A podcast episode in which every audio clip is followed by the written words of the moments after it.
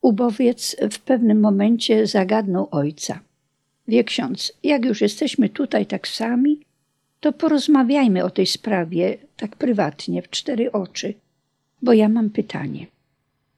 Ojciec odrzekł, no to porozmawiajmy, bo ja też mam pytanie. Zaczęła się więc rozmowa. Proszę mi powiedzieć, jak to się stało, że wypuściliśmy wtedy księdza z tą teczką. Wie ksiądz, ja do tej pory nie mogę sobie tego darować. Przez te dwa lata nurtowały go bowiem myśli, że skoro w czasie rewizji baraku wśród materiałów, które zabrali, nie znaleźli niczego obciążającego ojca Franciszka, to na pewno to musiało znajdować się w tej teczce, której oni nawet w rękach nie mieli. Ojciec się tylko uśmiechnął, bo co miał mu odpowiedzieć? Teraz ojciec zadał jemu pytanie i w taki sam sposób zaczął. Proszę mi powiedzieć, jak to się stało, że napadliście wtedy na nas, jak na nie wiadomo kogo. Przecież pracowaliśmy oficjalnie. Mogliście iść zwyczajnie do księdza biskupa i powiedzieć, że nie życzycie sobie takiej pracy, takiej działalności. I ksiądz biskup mógł mi nakazać, żebym jej zaprzestał. Wy jednak napadliście na nas jak na jakichś przestępców albo bandytów. Tamten na to odpowiedział tak. Proszę sobie wyobrazić, że pędzi pociąg, taki szalony pociąg, i nikt nie wie, dokąd on jedzie z taką szybkością i z takim pędem. Nie wiadomo, gdzie się zatrzyma. Jak zatrzymać taki pędzący pociąg? Tylko na hamulec i koniec. Wy właśnie byliście takim szalonym pociągiem. Pędziliście i nie wiadomo było, dokąd jeszcze zmierzacie, dokąd chcecie dojechać. Jak was mieliśmy zatrzymać? Dwa lata zastanawialiśmy się, z której strony was podejść. Byliście tak zorganizowani, że nie można was było nijak zahaczyć. Wszystko było w porządku, wszystko grało. Z żadnej strony. No, a pędziliście nie wiadomo dokąd. Taka to nieoczekiwana rozmowa odbyła się w pociągu dwa lata po opisywanych wcześniej wydarzeniach. Z wdzięcznością i wiarą.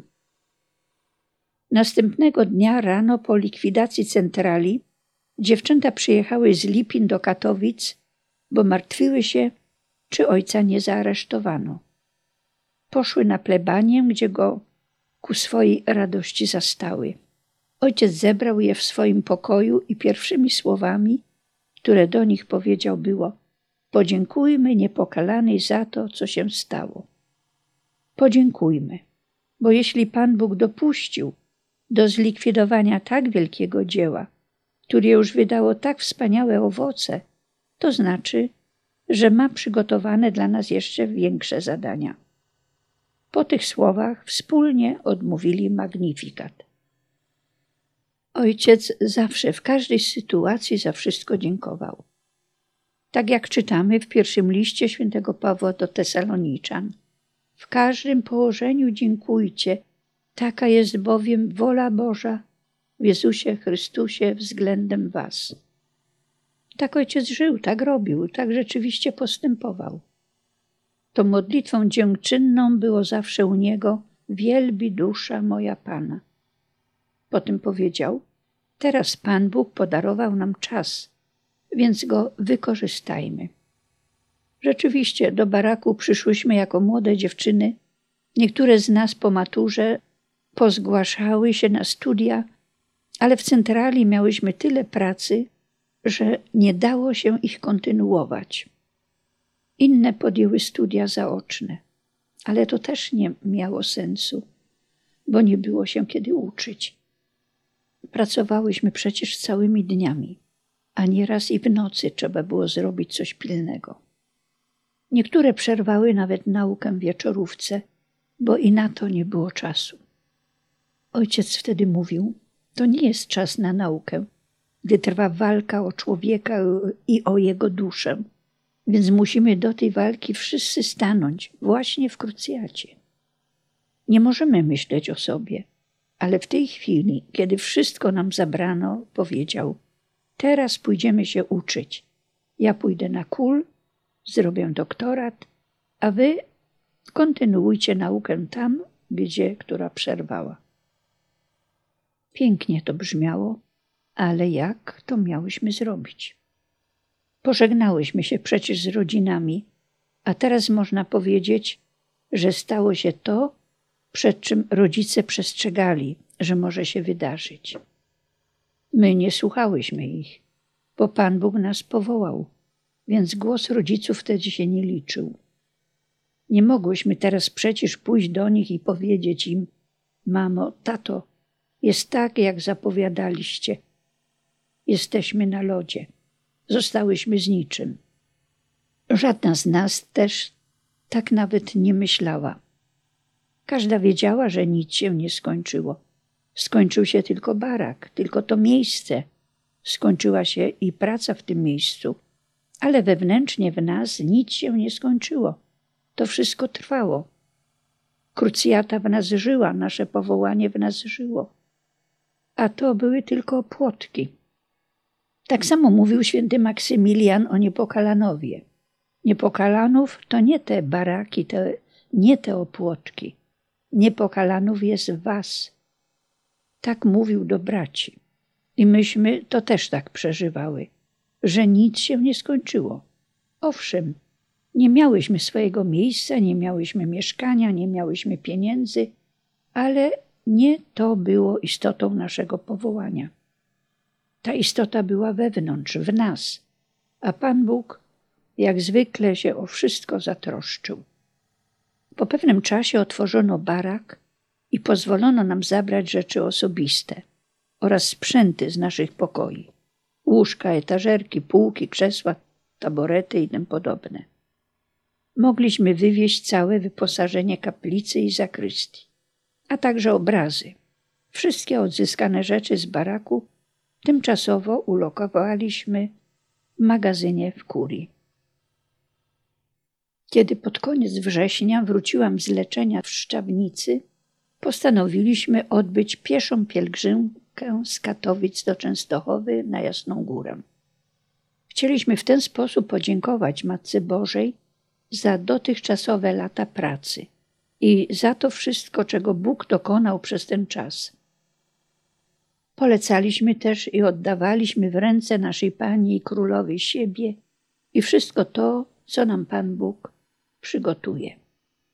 Ojciec Franciszek nie mógł iść z nami pieszo, ale spotkaliśmy się razem przed cudownym obrazem Matki Najświętszej. Ktoś ze znajomych widział i później nam to opowiedział, że drogę od bramy jasnogórskiej aż do kaplicy przeszedł on wtedy na kolanach.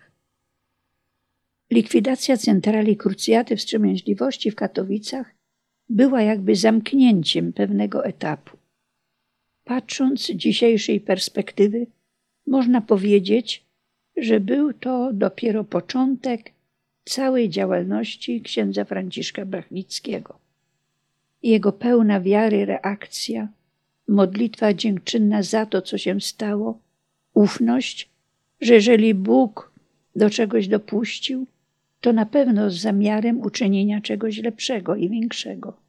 Przekonanie, że bez woli Bożej nic się nie dzieje, to wszystko razem wytworzyło wśród najbliższych pracowników i naszej wspólnoty taką atmosferę, że nikt nie narzekał, nie zawodził, nie załamywał rąk, nie mówił: Szkoda, że nam wszystko zabrali.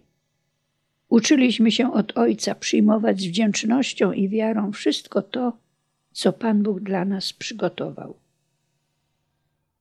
dodać literkę S. Po powrocie z pielgrzymki na najbliższym wspólnym spotkaniu z ojcem omówiliśmy bardziej szczegółowo sprawę naszej dalszej nauki. Każda z nas na krótki czas wróciła do swojej rodziny, ale nie po to, żeby tam zostać. Ojciec Franciszek wkrótce dowiedział się, że w Krakowie są siostry urszulanki Unii Rzymskiej, tak zwane czarne urszulanki, które prowadzą dla sióstr zakonnych Wik i Dick. czyli Wyższy Instytut Katechetyczny i Diecezjalny Instytut Katechetyczny. Na jednym z naszych wspólnych spotkań zdecydowaliśmy, że tam podejmiemy naukę, ponieważ była to szansa dla nas wszystkich, tych po maturze i tych przed maturą. Ojciec skontaktował się z matką przełożoną, siostrą Beatrix i zapytał, czy nas przyjmie pod swoje skrzydła. Przełożona nie namyślała się długo, bo znała naszą sytuację. Ryzykowała jednak wiele, ponieważ siostry miały pozwolenie na prowadzenie szkoły tylko dla sióstr zakonnych, a my byłyśmy osobami świeckimi. Gdyby to wyszło na jaw, mogliby im zamknąć szkołę. Postawiła nam więc jeden warunek. Każda z nas przed swoim nazwiskiem miała dodać literkę S. Zaraz w październiku 1960 roku zgłosiłyśmy się jako siostra Zuzanna, siostra Gizela, siostra Zyta, siostra Joanna, siostra Dorota i siostra Maria. Urszulanki prowadziły internat, więc miałyśmy tam mieszkanie, szkołę i stołówkę. W ten sposób Pan Bóg zadbał o wszystkie nasze potrzeby. Do Krościenka. Ojciec postanowił udać się na kul, ale władze komunistyczne zakazały mu podejmowania czegokolwiek nowego, nawet studiów. Musiał być w każdej chwili do dyspozycji na przesłuchania w związku ze śledztwem w sprawie działalności Centrali Krucjaty Wstrzemięźliwości. Nie mógł opuszczać Katowic. W tym czasie ksiądz biskup uczynił go kapelanem w jednym z katowickich szpitali. Co pewien czas wzywali ojca i przesłuchiwali. W pewnym momencie ojciec pomyślał, że jest to okazja, aby skorzystać z zaproszenia księdza proboszcza Bronisława Krzana, pojechać do Krościenka i pobyć trochę na świeżym powietrzu. Nie widział powodu, żeby siedzieć w Katowicach i czekać na każde wezwanie władz, bo jak twierdził, oni i tak wszędzie go znajdą. Jak postanowił, tak zrobił. Był to październik 1960 rok. Proboszcz z radością przyjął gościa i dał mu pokoik przy kaplicy dobrego pasterza. W Krościńku ojciec nie siedział bezczynnie. Od razu wiedział, co będzie robił. On nigdy nie marnował czasu. Zaczął więc od napisania memoriału na temat likwidacji centrali krucjaty wstrzemięźliwości, w którym opisał, jak ocenia to całe wydarzenie, co o nim sądzi i w jaki sposób się ono dokonało. Do tych pokatowickich wątków powrócę jeszcze później. Podczas naszej nauki w Krakowie moja astma odezwała się z nową siłą i trzeba było iść do lekarza. Lekarz powiedział, że muszę natychmiast opuścić Kraków, ponieważ powietrze w tym mieście wyraźnie mi szkodzi. Zalecił, żebym najlepiej udała się w okolice Szczawnicy i Krościnka, bo tam mogę nawet wrócić do zdrowia. Jemu łatwo było tak mówić. Ja niczego nie posiadałam, nie miałam żadnych znajomości, ani nawet środków do życia. Jednak był to wyraźnie Boży plan, bo w tym czasie przecież ojciec przebywał właśnie w Krościenku. Wszystkie wydarzenia, które od ojca nie zależały, przyjmował jako wyraz woli Bożej. Więc kiedy dziewczyny zadzwoniły do niego i przedstawiły moją sytuację, przyjął tę wiadomość tak zwyczajnie i powiedział: No, jeśli lekarz tak radzi, to ją spakujcie i niech przyjeżdża do Krościenka. Wzięłam mój dobytek na plecy, wsiadłam do autobusu i 20 października 1960 roku wysiadłam na rynku w Krościenku. Ojciec już tam na mnie czekał. Wcześniej porozmawiał o mojej trudnej sytuacji z księdzem proboszczem Krzanym. Byłam przecież chora i bez środków do życia. Proboszcz przedstawił tę sprawę niektórym parafianom i z ulicy Zdrojowej zgłosiła się starsza osoba, pani Ptakowa, która powiedziała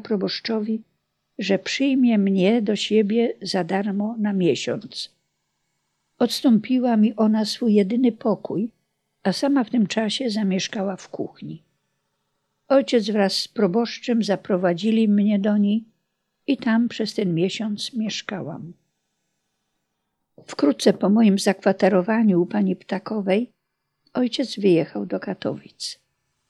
Memoriał, który napisał w Krościenku, dał teraz do przepisania na maszynie i rozesłał pocztą do urzędów państwowych, a także biskupów, kapłanów i świeckich, którzy byli w całym kraju odpowiedzialni za krucjatę wstrzemięźliwości.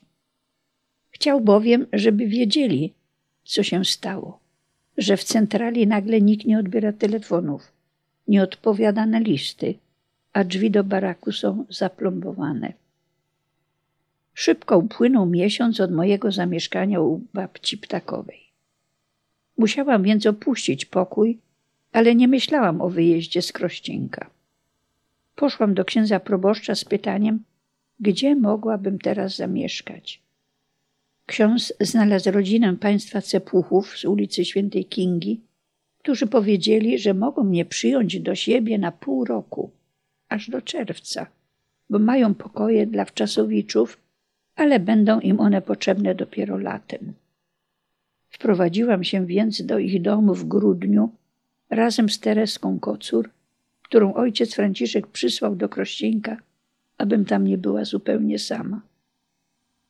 Ksiądz proboszcz Krzan pomógł również ojcu Franciszkowi rozwiązać sprawę naszego współpracownika z baraku, Józefa Jaroszka, któremu na prośbę ojca po likwidacji centrali krucjaty wstrzemięźliwości w Katowicach dał schronienie i wyżywienie na plebanii w zamian za pomoc przy różnych pracach porządkowych i gospodarczych. O Ziutku wypada mi napisać coś więcej, bo był on na pewno postacią barwną, której życie Pan Bóg związał z naszym na wiele lat. Józef Jaroszek pochodził z Garbatki.